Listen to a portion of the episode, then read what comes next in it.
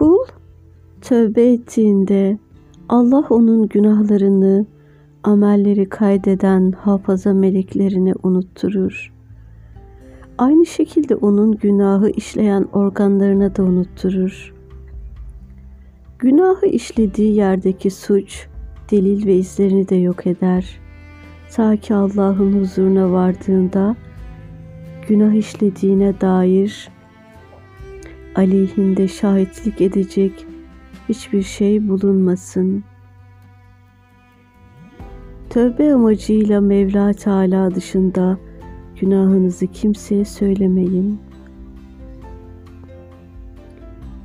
Şimdi insanlar haya etmedikleri için günahlarını, pisliklerini tüm dünyaya yayıyorlar.